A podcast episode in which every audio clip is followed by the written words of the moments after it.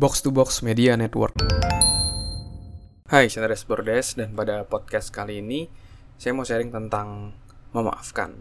Oke, jadi ya mungkin ini juga salah satu berkenaan juga dengan Idul Fitri di mana orang-orang saling memaafkan dan di sini saya mau sharing bahwa memaafkan itu sering kali tidak perlu menunggu momen ya tidak perlu menunggu momen ketika ada Idul Fitri atau ada acara apa atau ada hal-hal lain apa baru saling memaafkan. Tapi memaafkan ini kita bisa melakukannya di kapan aja gitu. Karena memaafkan ini banyak banget benefitnya terutama untuk diri kita. Ketika kita memaafkan orang lain itu kita seperti melepas beban dalam diri kita dendam dalam diri kita pada orang lain dan membuat itu menjadi lepas dan kita jadi lebih ringan dalam menjalani kehidupan. Tapi kalau kita hidup dengan dendam, hidup dengan tidak memaafkan orang lain, itu ibaratnya kita kita sendiri memikul beban dalam diri kita. Jadi ketika kita memaafkan, kita legowo gitu ya, itu kita akan jadi jauh lebih ringan dan kita akan jauh lebih cepat mencapai target kita.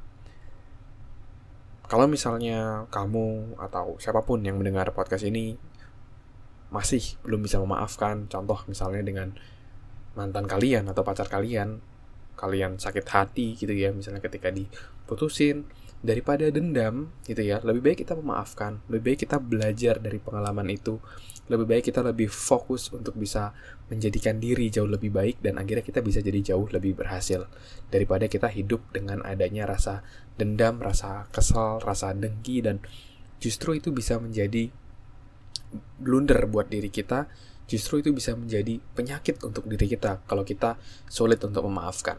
Jadi saya ajak buat teman-teman untuk yuk sekarang kita saling memaafkan satu sama lain.